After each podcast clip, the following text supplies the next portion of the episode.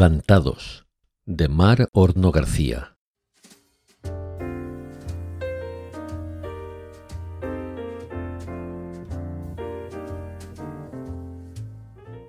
A mi hermana siempre se le dio bien la jardinería. Y los hombres. Fue siempre tan bella.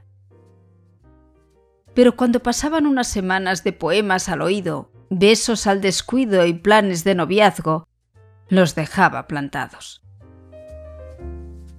Los metía hasta la cintura en la tierra del huerto y entonces adquirían para ella otro interés, menos amoroso y más botánico que la hacía feliz.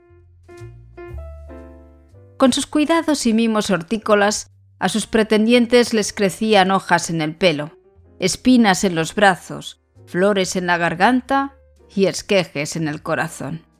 Se ponían celosos si alguno regaba más que a otro, o si recibían más o menos abono de los pozos de su café, o si le dedicaba al último alguna palabra más que al primero. Mi hermana se sentaba en el jardín y disfrutaba viéndolos mecerse al compás del viento, rendidos por su rechazo, pero esperanzados por el sol de su sonrisa de jardinera satisfecha. Cuando llegaba el otoño los cosechaba y los vendía en el mercado a mujeres menos agraciadas y más necesitadas de amor que ella. hasta que conoció a Andrés.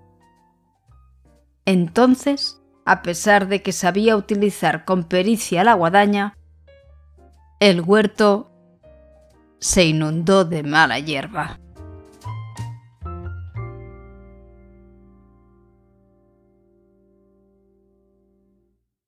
Relato ganador del concurso de microrelatos de la Biblioteca Esteve Palutzí de Barberà del Vallès de abril de 2021.